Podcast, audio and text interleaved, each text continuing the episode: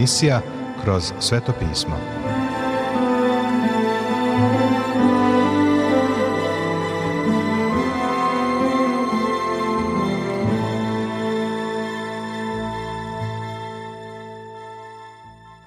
Dobroveče, poštovani slušaoci i dobrodošli u još jednu emisiju programa Kroz sveto pismo, programa koji je za vas napisao Vernon McGee, a pročitao Branko Bjelajac. Želimo vam prijetno i blagoslovljeno slušanje.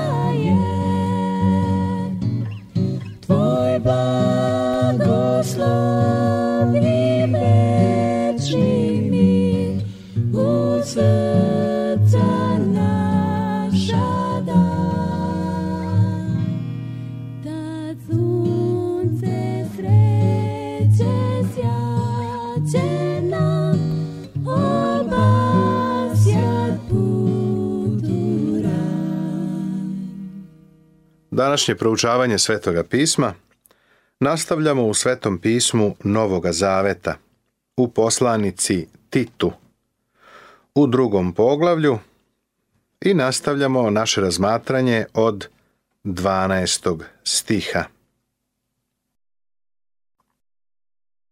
koja nas odgaja da se okrenemo bezbožnosti i svetskih žudnji, da živimo razborito i pravedno i pobožno na ovom svetu. Bog ne pokušava da reformiše ovaj svet. On izbavlja ljude koji prihvate Hrista. Evanđelje ne traži od ljudi koji odbacuju Hrista da se trude da rade što bolje. Kada neko kaže trudit ću se da radim što bolje, mislim da laže. Ako odbaciš Isusa Hrista, možeš pokušati sa svojim životom bilo šta, jer je taj život jedino što ćeš dobiti. Danas se naša vlada trudi da navede ljude da prestanu da puše – Trudi se da ih obrazuje i ukaže na opasnost cigareta. Međutim, Bog ne traži od tebe takve stvari. Možeš da jedeš, piješ, da se oženiš, jer sutra ćeš umreti. Bog ne želi da te reformiše, On želi da te izbavi. Odgaja Ovde se misli na odgajanje deteta. Bog poziva one koji su njegovi, koji su izbavljeni da žive za njega i da izbjegavaju svetske žudnje. Očekujući blaženu nadu i slavan dolazak velikoga Boga i spasitelja našega, Isusa Hrista. Očekujući blaženu nadu, ovo je sljedeće što se dešava u Božijem programu. Hristos dolazi da uzme svoju crkvu sa ovoga sveta. Slavan dolazak velikoga Boga i spasitelja našega, Isusa Hrista. Ovo nam otkriva da je Pavle učio o božanstvu Hristovom. On govori o velikom Bogu, koji je naš spasitelj. Ko je to? Isus Hristos. I šta je uradio? Koji je dao samoga sebe za nas, da nas izbavi od svakoga bezakonja i očisti sebi narod koji mu pripada, koji revnuje za dobra dela. Dao je sebe za nas, da bi nas izbavio. Platio je cenu za nas, da bi nas izbavio od svakog bezakonja. I očisti sebi narod koji mu pripada, koji revnuje za dobra dela. Istina je da Bog želi da živiš za njega i da činiš dobra dela. Ali će prvo morati da nas izbavi, prijatelju. Ovo govori i opominji i karaj sa svakom odlučnošću. Niko da te ne prezire. Apostol Pavle kaže Titu Ti si mladić, ne dozvoli da te preziru zbog načina na koji živiš. Tit je trebalo da bude sposoban da ih sa autoritetom poučava o svemu ovome. Ovo je divna poslanica. Svaki mladi propovednik treba pažljivo da proučava poslanicu Titu. Poglavlje treće Tema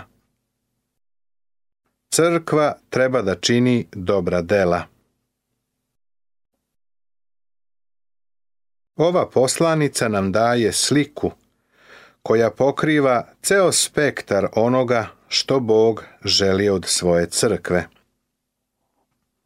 U prvom poglavlju smo vidjeli da Bog želi da crkva bude sređena organizacija. Onda smo vidjeli u sljedećem poglavlju da crkva treba da ima zdravu nauku. Sada ćemo to vidjeti. Da crkva, da bi bila sve što Bog od nje želi, treba da čini dobra dela. Dobra dela su dokaz spasenja. Podseća ih da se pokoravaju poglavarstvima i vlastima, da budu poslušni, spremni na svako dobro delo. Prvo što se ovdje spominje jeste činjenica da crkva mora da ima članove koji poštuju zakon. Vernik treba da poštuje zakone zemlje u kojoj živi. Ukoliko ti zakoni nisu u suprotnosti sa njegovim dužnostima i zajednicom sa Bogom. Uvek mi je bilo neprijatno kada sam u večernjim časovima držao biblijske pouke u centru Los Angelesa, A onda bih bio zamoljen da objavim kako se neko parkirao izvan svog parking mesta. Ili ponekad sam morao da obavestim da su kola zagradila put. Pa ljudi koji su imali automobilski prilaz – nisu mogli da prođu. Takvo parkiranje je kršenje zakona od strane nekoga na mom času koji očigledno nije vodio mnogo računa o činjenici da hrišćanin mora da se podčinjava vlastima i poglavarstvima. To pokreće pitanje šta vernik treba da radi kada su zakoni zemlje u sukobu sa dužnostima i zajednicom sa Bogom. Na primjer, da li mladić koji je regrutovan u vojsku treba da ide u rat ako je kao hrišćanin ubeđen u suprotno? Na sreću, u našoj zemlji takav mladić sa iskrenim ubeđenjem može odbiti da služi vojsku. Ne mora da ide u oružane snage i da nosi pušku, ali mora punu količinu vremena da provede na neborbenim dužnostima. Mislim da bi svaki mladić mogao da bude pohvaljen za ovo, jer verujem da je potrebna hrabrost – i ubeđenje za mladića da pod tim uslovima stane na obe noge i kaže da služit ću, nosit ću uniformu, ali ne mogu mirne savesti da nosim oružje. Mislim da ovakvim momcima treba pružiti saosećanje i razumevanje. Sa druge strane, bilo je mnogo mladića koji su pobegli da bi izbjegli regrutaciju, nisu pobegli zbog verskih ubeđenja. Ne znam kako bih ih drugačije opisao, nego rečima da su bili nelojalni svojoj zemlji. Ovi su želeli da uživaju u svim blagoslovima i dobrobitima naroda, ali nisu hteli da ispunjavaju svoje odgovornosti. Prekršili su zakon, treba da plate kaznu treba da budemo pokorni vlastima i poglavarstvima koja su iznad nas. Crkva treba da poučava ovo. Jednim delom poruka koja se prenosi članovima crkve treba da bude to da treba da su poslušni vlastima i poglavarstvima. Ta poslušnost nije poslušnost ljudima, nego službi koju predstavljaju. Možda te vređa način na koji policija izriče kako si prekršio zakon o saobraćaju, ali treba da poštuješ uniformu koju nose.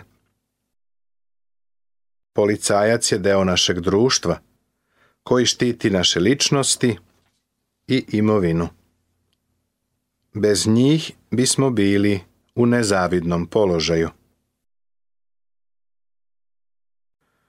Ovaj stih pokreće i pitanje da li hrišćanin kao pojedinac treba da se upliči u politiku ili ne. Verujem da je hrišćanin kao pojedinac slobodan da uđe u politiku, ali ne verujem da crkva treba da se bavi politikom da imamo pravo kretanje duha Božijega, mnogi iz naših crkava bi došli na različita mesta u vladi. Dobar primjer za to je Veslijevski pokret u Engleskoj. Vesli se nikada nije trudio da ispravi engleskog kralja, niti englesku crkvu. On je prosto odlazio napolje, i propovedao Božju reč. Ljudi su se obraćali Bogu, a među njima je bio i čovek kao što je bio William Wilberforce, veliki filantrop i pobornik ukidanja ropstva. To su bili ljudi veliki pijanci i kockari, koji se baš i nisu brinuli za siromašne, sve dok nisu upoznali Hrista. Oni su pokrenuli veliki radnički pokret zajedno sa Veslijevskim probuđenjem u Engleskoj, što je predstavljalo početak pokreta protiv rada dece i zaštite radnika na radu. Potrebni su nam pojedinci koji će ući u vladu i preduzeti društvene akcije, ali crkva kao organizacija nije pozvana da uđe u politiku. Spremni na svako dobro delo. Crkva treba da savetuje ljude da budu spremni i puni čežnje da čine dobra dela. Ovo ćemo zapaziti dok budemo dalje napredovali. Sada obrati pažnju na negativnu stranu saveta i upozorenja. da ne hule ni na koga, da se ne svađaju, da budu pravični, pokazujući svaku blagost prema svima ljudima. Da ne hule ni na koga. Znači da ne govore loše ni o kome, da ne šire ogovaranje. Kaže se da ne veruješ svemu što čuješ, ali da sve to možeš da ponoviš. O tome ovde govorimo. Ne treba da ponavljamo sve što čujemo. Mnogi zli izveštaji su išli od jednog do drugog, bez ikakvih dokaza o njihovoj istinitosti. Druga poslovica kaže da ima ljudi koji će poverovati u sve što im se šapne.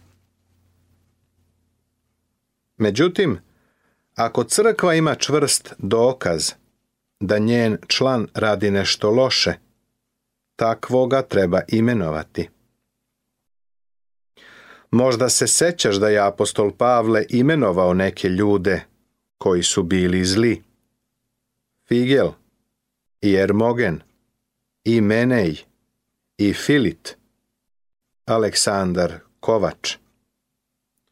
Također je rekao da ga je Dimas ostavio jer mu je omileo ovaj svet.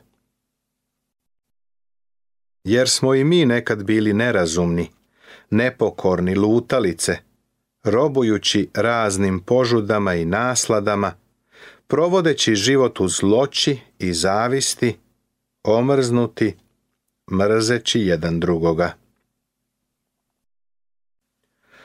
Ovo je slika današnjeg nespasenog sveta, ali i slika tebe i mene pre nego što smo upoznali Hrista.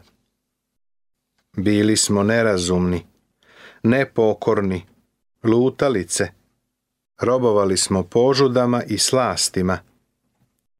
Živeli smo u sebičnosti i mrzeli smo druge ljude. To je slika izgubljenog sveta. Ako odeš u neku nehrišćansku porodicu, sve ovo ćeš u njoj naći. Idi na bilo kakav posao, kancelariju, u fabriku i vidjet ćeš da je sve to prisutno. Nažalost, neke od ovih stvari mogu da se pronađu i u crkvama. Ljudi se pretvaraju da se vole, ali ispod toga je zavist, mržnja i ogovaranje.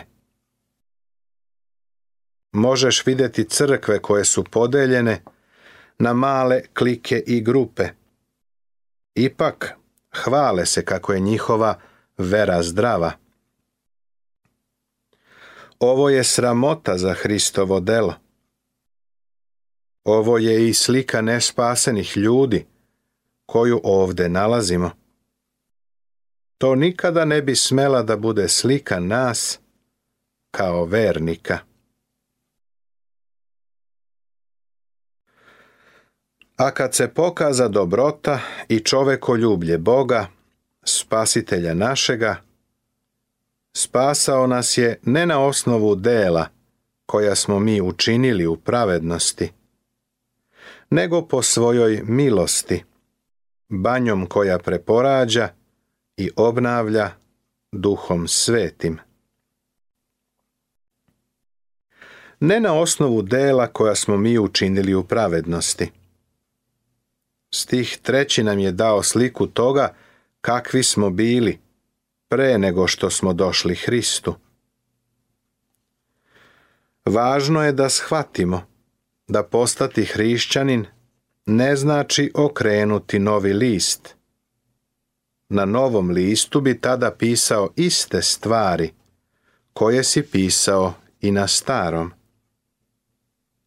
Stvaranje novogodišnje rezolucije i davanje obećanja da ćeš raditi bolje ne stvara od tebe hrišćanina.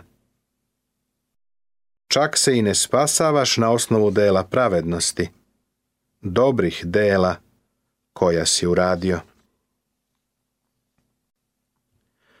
nego po svojoj milosti.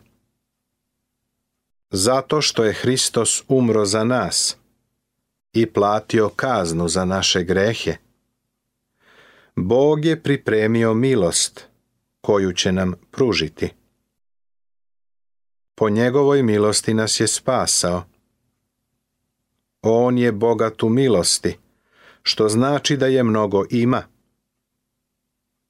Kogod da si, on može danas da te spase, jer je Hristos umro za tebe. Platio je kaznu i dao ti svoju pravednost. Banjom koja preporađa Banja je posuda ili lavor obnovljenja. U starom zavetu je takav lavor stajao u tremu šatora od sastanka, a kasnije u hramu i predstavljao je baš ovo. Ova banja koja preporađa je ono o čemu je gospod govorio u trećem poglavlju Jovanovog evanđelja. Ako se ko ne rodi vodom i duhom, ne može ući u carstvo Božije, kaže peti stih trećeg poglavlja. Evanđelja po Jovanu. Voda predstavlja reč Božiju. Biblija te pere. Ona u sebi sadrži očišćavajuću i posvećujuću silu. Očišćavamo se Božjom rečju. Sveti duh koristi Božju reč. Rođeni vodom i duhom. Tako bivamo nanovo rođeni i obnavlja duhom svetim. On nas obnavlja. Nastavit će se. Čekao da kada ću sve razumeti. Al ti si me pronašao i svoju ljubav pružio, kojoj ne mogu odoleti. I sada znam da sam ja izabran da donosim plodove koji ostaju u večnosti da bi dobio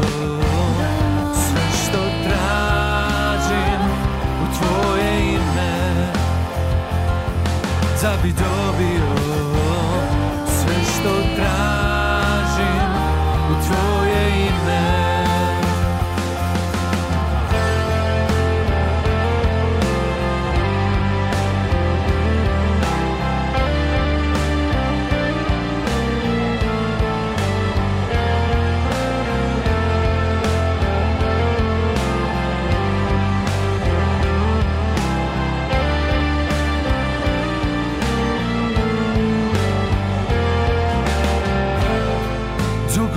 Pucali smo sami i ležali u grehu i tami Bez tebe izgubljeni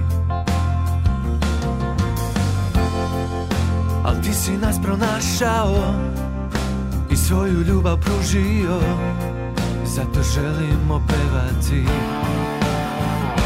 Sada znamo da smo mi izabrani Sad donosimo plodove koji ostaju u večnosti da bi dobili sve što tražimo u tvoje ime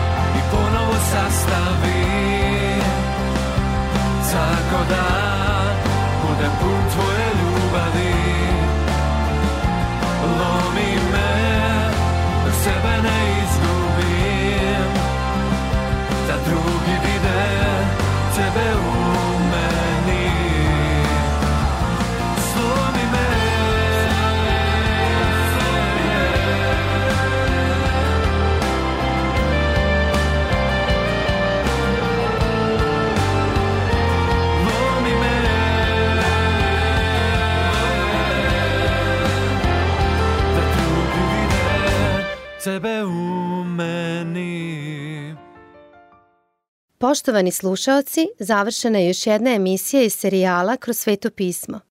Ovaj program možete da slušate svakog radnog dana na talasnoj dužini od 1548 kHz u vremenu od 22 sata do 22 sata i 30 minuta. Ukoliko želite da nam se javite, da nas pohvalite ili pokudite, da nam predložite izmene kojima bismo mogli da poboljšamo naš program, ali i da vas nagradimo kakvom dobrom hrišćanskom knjigom, Novim Zavetom ili celom Biblijom. Na raspolaganju su vam telefon, elektronska pošta ili obična pošta. Broj našeg telefona je plus 381 062 396 331. Adresa redakcije glasi poruke Poštanski fah 37 11060 Beograd. Elektronskom poštom nas možete kontaktirati na kroz gmail.com. Također, pripremili smo vam i web stranicu na kojoj možete pronaći sve naše programe. Adresa web stranice je www.twr.com povlaka serbija.org. To bi za večeras sa naše strane bilo sve.